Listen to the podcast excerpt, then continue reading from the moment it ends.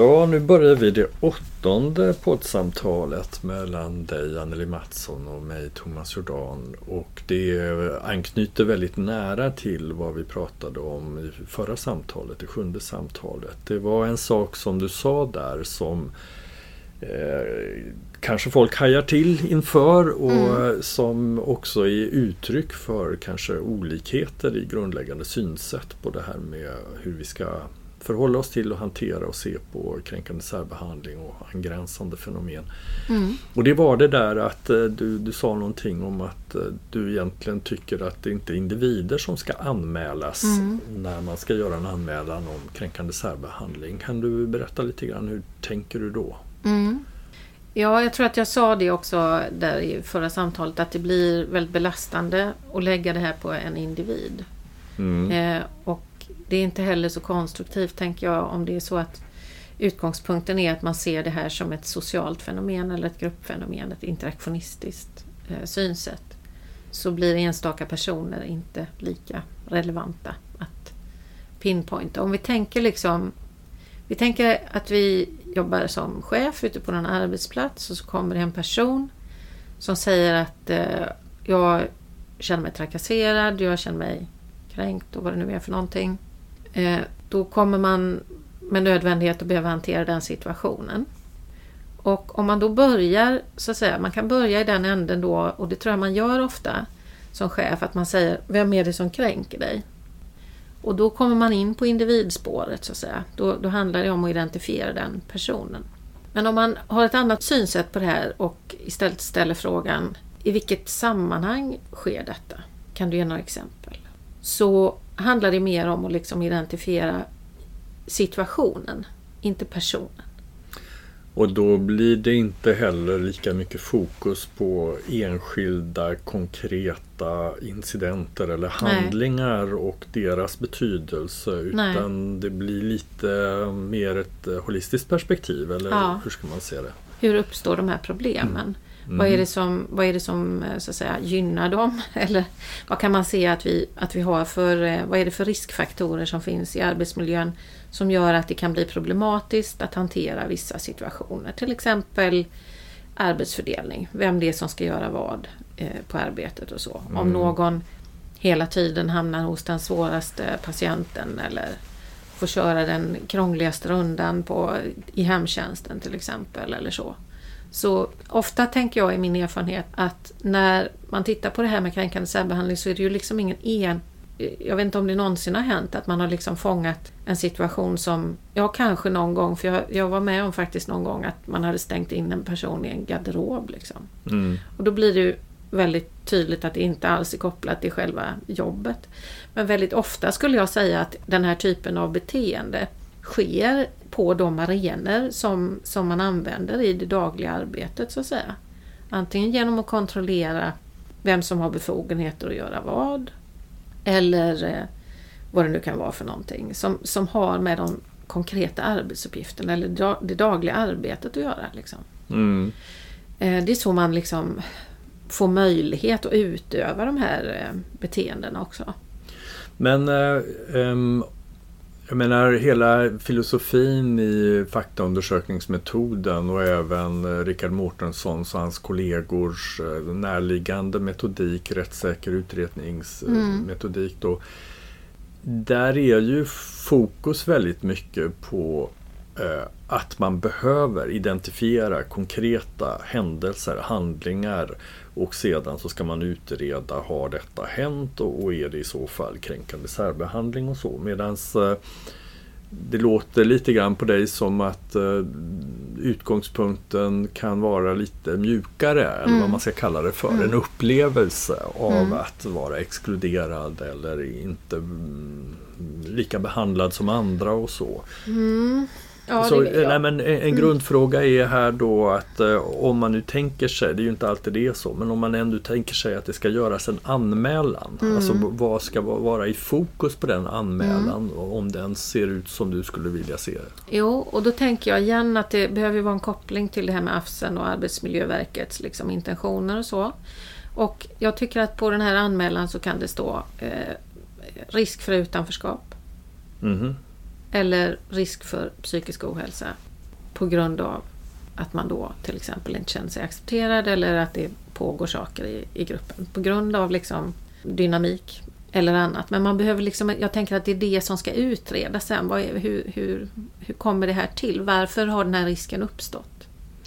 Så för arbetsgivaren ska ha ett mandat att göra en utredning så behöver man ändå koppla det till, ja, men bedömningen är att det finns en risk för utanförskap. Det finns en risk för psykisk ohälsa. Det är det vi behöver utreda. Men indikatorn på det är den subjektiva upplevelsen som personen har då eller? Det är ju den berättelsen som, som den här personen, mm. eller, eller att man också, det hade, ju varit, det hade ju varit idealt att man på något sätt har sett det här som chef eller arbetsgivare själv på något sätt att här har vi ett problem. Nu har jag jobbat här i fem år och det, liksom, det tar tre månader och sen säger folk upp sig för de är förtvivlade för att de inte liksom står ut i den här jargongen som vi har här eller vad det nu är för någonting. Eh, nu, vi har ett problem här med liksom dynamiken. Nu behöver vi göra någonting. Mm. Yeah. Så kan det vara. Va? Mm. Och det är ju inte så ovanligt heller därför att det är sällan isolerade företeelser. Det är ofta någonting som, som, eh, som upprepas över tid och, och sådär. Va? Eh, och att det finns liksom, det kommer den ena och sen kommer den andra och sådär. Mm. Så, och då är det ju helt oväsentligt vem, vilken individ det är egentligen. Utan då behöver man ju verkligen titta på vad är det för dynamik vi har här? Vad har vi för kultur? Vad är det för strukturer på arbetsplatsen som gör att det blir på det här sättet? Mm. Så att man får bukt med det liksom över tid. Så att eh, om man då på det sättet kanske har ett litet annat fokus mm. än fokus på kränkande handlingar. Vad är det i så fall som man ska utreda? Vad är det? Vad, Arbetsmiljö. Vad, mm, men det utveckla det. Vad, hur gör mm. man det då? Hur gör man det? Jag kommer till exempel från och med i år också att eh, på mina utbildningar när det gäller utredare att införa ett avsnitt som handlar om eh, deltagande observation på arbetsplatsen för att kunna identifiera riskfaktorer i den organisatoriska och sociala arbetsmiljön. Eh, därför att det är väldigt mycket som man inte kan fånga in med samtal och intervjuer och så. Vi, mm. När jag sitter och träffar människor i ett, i ett samtalsrum och inte har varit på arbetsplatsen så har jag ingen aning om så att säga, hur sitter man i lokalen eller lokalerna.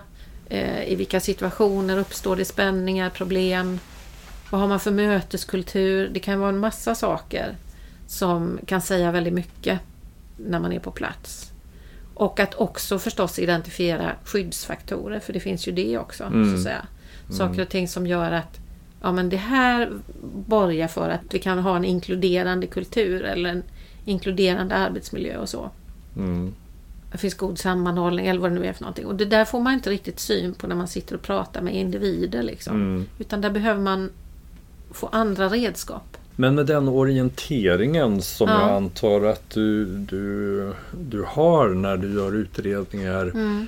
Vad möter du för reaktioner då? För att förförståelsen mm. hos den som anser sig vara utsatt för trakasserier mm. eller mobbing och kanske också från mm. chefer och personalspecialister är väl kanske då att uh, här är någon som bär sig illa åt mot någon annan eventuellt. Uh, och, och, att de förväntar sig att det är det man ska ha fokus på och så mm. tala om sen i utredningen, har det hänt eller inte? Och, och så. Mm.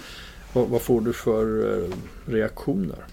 Nej, alltså det kan ju se olika ut då förstås. Eh, men en vanlig, eh, vad ska vi säga, feedback på detta är ju liksom någon form av lättnad eller så. Därför att man dels kommer undan detta, alltså alla parter kommer undan detta med skuldbeläggande. Mm.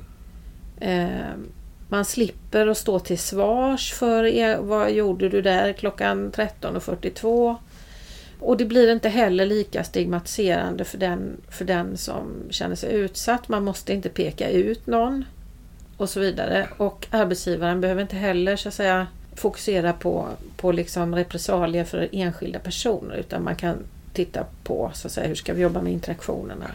Så det är din erfarenhet att det är så det ofta tas emot och förstås? Men, ja, det är den ena. Men, det, men det, finns, eh, det finns ju andra... Det, när det blir problematiskt det är ju så att säga när det här har gått ganska långt eller att det är någon som känner sig väldigt kränkt eller vad det nu är för någonting som vill liksom eh, skipa rätt och ha upprättelse och liksom sätta dit, jag på sagt, eller man liksom vill att, vill att någon ska skämmas och stå till svars och sådär liksom. Då kan det uppstå väldigt mycket besvikelser eller vad man ska säga då. Eh, när man inte alls har den ingången i, Mm. i situationen. Eh, och det kan ju vara Ja, det kan vara väldigt utmattande både, både för utredare och för liksom verksamheten som inte ger sig. Man accepterar inte den här liksom, vad ska vi säga, utgången eller, eller så. Eller åtgärderna som, som föreslås eller sådär. Utan man, man vill liksom driva den här upprättelsefrågan. Så kan det ju bli. Mm. En annan sån aspekt kan vara liksom att om man vet med sig att man kanske inte har varit så schysst, så att säga. Så är det väldigt vanligt att man säger, ja då vill jag veta exakt vad det är för någonting jag har gjort. Mm. Och sen vill jag se bevis för det. Och annars vill inte jag sitta här och prata. Mm. Så det finns också den varianten, så att säga. Mm. I de allra flesta fall så uppfattar jag det ändå som att man känner, och speciellt HR eh, brukar jag också kunna känna ett ganska gott stöd i detta då. Att Mm. nu, nu kan vi liksom kavla upp ärmarna och börja jobba med någonting konkret så att säga. Mm. I arbetsmiljön. Eh, för det är ju ändå vad de flesta vill. Mm. Nej men det, det är ju den där spänningen som du vet att jag Mm. har eh, försökt sätta fingret på tidigare Mm. och jag tycker kanske inte terminologin är sådär jättelyckad men jag pratar om eh, spänningen mellan rättskipningsansatsen och behandlingsansatsen där rättskipningsansatsen handlar om att skapa tydlighet Mm. om vad som är acceptabelt och vad som är oacceptabelt och också stärka normerna kring detta genom att det ska bli tydliga konsekvenser om Mm. man bär sig illa åt Mm. mot någon annan. Då, medans behandlingsansatsen mer har fokus på att det viktiga är att vi upprättar välfungerande samarbetsrelationer och en Precis. god arbetsmiljö och Ja. att man tycker att det kan bli svårare om man fokuserar mera på det här med skuld och, Mm. och eh, vem som har gjort fel och så. För Ja. att då blir mycket försvar då och, och det blir svårare att Precis. eh, fokusera på hur bygger vi någonting som fungerar. Och jag tror inte den spänningen går att upplösa Nej. helt och hållet. Det tror inte jag heller. Och som sagt, jag tror inte heller att det alltså, behöver vara antingen eller. Utan jag tror att det finns så att säga, det finns olika situationer som kan eh, behöva den, den ena varianten. Eller det blir Mm. liksom mer självklart att det ska vara på ett sätt eller så. Att man ska... Det är klart att jag menar att det finns situationer där man verkligen behöver titta på det individuella ansvaret. Men jag skulle inte säga att de är i majoritet. Mm. När vi pratade om det lite fram och tillbaka innan så pekade du, tror jag, på en annan eh, möjlig problematisk effekt av att ha ganska mycket fokus på det här med individen. Mm. Att man anmäler Mm. en individ för Ja, kränkande särbehandling. Ja, det. Och det hade att göra med det här med förtal och så. Kan du resonera lite kring det? Jo, men alltså nu... Eh, det, det, var ju, det har ju varit väldigt mycket skriverier och uppmärksamhet kring metoo och den här rättegången eh, som var nu mot eh, Cissi Wallin och hon blev fälld och sådär. Och då blev det i alla fall väldigt eh, vad ska vi säga, påtagligt för mig att och när jag har läst på lite sådär så har jag förstått att våran lagstiftning när det gäller förtal är ju liksom lite annorlunda än vad det Jag ska absolut inte ge mig in i något juridiskt resonemang för det reder jag inte ut. Men, men det jag förstod var ju liksom att eh, i Sverige så har vi inte ansvarsfrihet när det gäller sannings... Eh, liksom, om vi berättar någonting som är sant så betyder inte det per definition att vi, eh, att vi kan friskrivas ansvar för förtal. Mm. Och då tänkte jag så här att hur blir detta då om eh, Sofia eh, anmäler Pelle på jobbet? Rent teoretiskt i alla fall så skulle det kunna vara så att Pelle gör en polisanmälan på Sofia för förtal. Mm. Eftersom det kan få konsekvenser i hans, eh, i hans arbete Mm. om chefen får veta vad han har gjort. Och det- Alldeles oavsett om han har gjort det eller Alldeles inte. oavsett om han har gjort det eller inte så kan det ju få sådana konsekvenser. Och det tänker jag, då, då hajade jag till eller fick lite hicka så att säga. För att hur blir detta nu då? När människor uppmanas att göra anmälningar hit och dit så att säga. Det kan jag känna är problematiskt. Eh, för det vet vi inte riktigt vad det skulle kunna ta vägen riktigt. Men är det mer en farhåga du har Ja. eller har du varit med Nej, om det sånt? har jag inte. Nej. Det har jag inte. Eh, och först så tänkte jag så här, det här kan jag inte säga för då kanske det... Men, men, men, eh, men Jag tror inte det är våra lyssnare Nej, som... det tror inte jag heller. Men i alla fall, jag, jag tycker att det är problematiskt med det här individutpekandet överhuvudtaget. Liksom. Mm, just det. Ja, är det någonting annat du tänker på kring eh, den här tematiken då? Vad, vad är det man anmäler? Vad är det man sätter fokus på? Vad är det utredningen ska försöka skapa klarhet kring? Mm.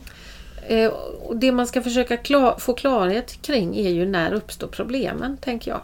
Eh, för om man tänker det på samma sätt som att man tänker att man ska lösa... Om vi säger så här att, att det hade handlat om arbetsbelastning. Om man ser kränkande särbehandling på samma sätt, alltså som någon form av emotionellt krav i arbetet eller vad man ska säga, alltså en stressor. Eh, om man ska komma till bukt med det så behöver man titta på liksom, hur uppstår det här?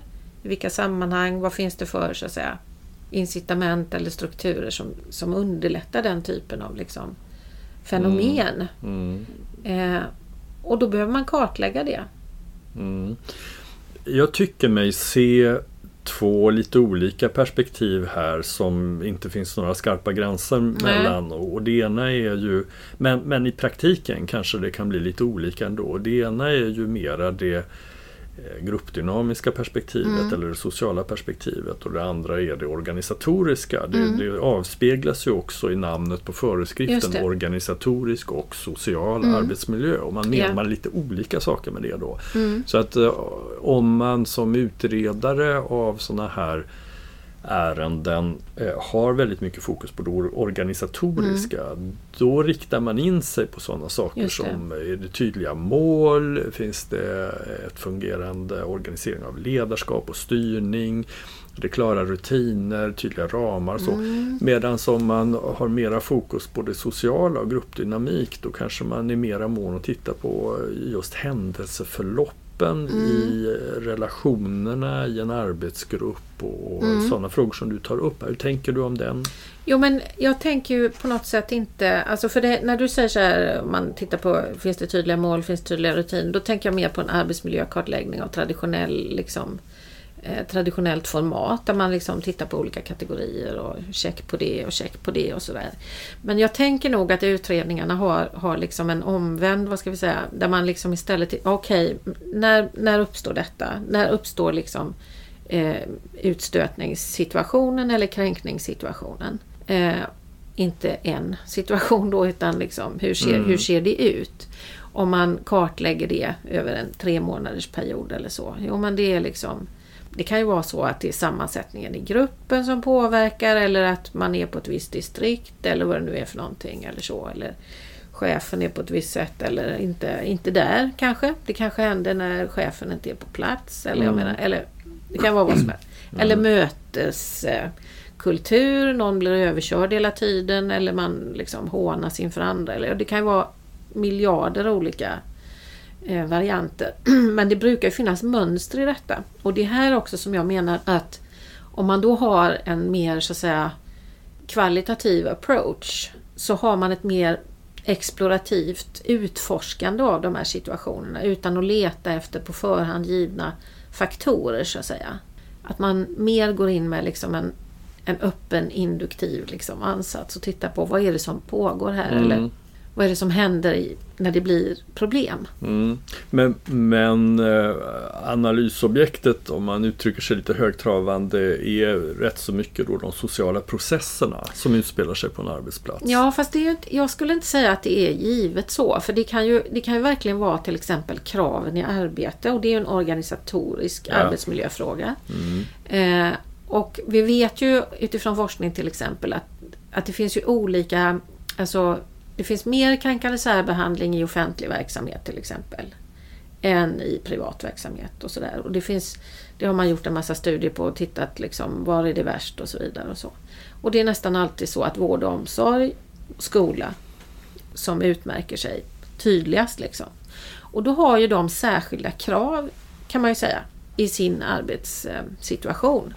Eh, och om vi liksom accepterar att det ser ut så här, att, så kan man inte, då, då tänker jag inte att det beror på att det är en massa speciella individer i den verksamheten. Nej. Utan att det beror på liksom arbetets art på något sätt. Och då behöver man titta på det. Mm. Förstår du? Jo, jo. Mm. Men, det men det, ja, för mig blir det ändå, tycker jag, en skillnad i ingång i det hela. Ja. Va? Därför att eh, jag tror att en hel del, i alla fall tidigare utredare har velat fokusera på de organisatoriska förutsättningarna. Mm. Också av samma anledning som du ja. vill komma bort från det här med skuldbeläggande av individer och ett mm. väldigt fokus på förövare, offer, mm. dynamiken och så. Men vad man har gjort då eh, många gånger det är till exempel att använda sig av Marvin Weisbords sexboxmodell mm. för att göra någon slags skanning ja. av de organisatoriska förutsättningarna. Och det är ju inte där du börjar va? utan du börjar med vad är det faktiskt som händer mellan Exakt. människor Precis. på just denna arbetsplatsen Precis. och sedan kanske leta sig tillbaka till Precis. organisatoriska förutsättningar. Just det. Mm. För, för gör man bara en arbetsmiljökartläggning, Wisebox variant varianten eller vad man ska säga, då, tycker jag, då duckar man lite för problemet eller så. Så att jag tänker att man behöver ändå koppla det till var finns risken för utanförskap? Eh, I vilka situationer eh, liksom, är det som gör över tid att det finns risk för ohälsa eller folk slutar eller vad det nu är för någonting. Mm. Vad, vad handlar det om? Mm. Helt enkelt. Mm. Bra, jag tror det börjar bli dags att runda av det här samtalet också. Men jag tror att vi har ringat in eh, någon, någon en slags uh, viktiga skillnader i synsätt mm. som man kan ha. Och de står ju inte i motsättning till varandra Nej. men uh, behöver kanske tas på allvar och i, inte alltid så lätt att förena olika synsätt. Nej, mm. så tänker jag också. Tack för det. Tack, tack.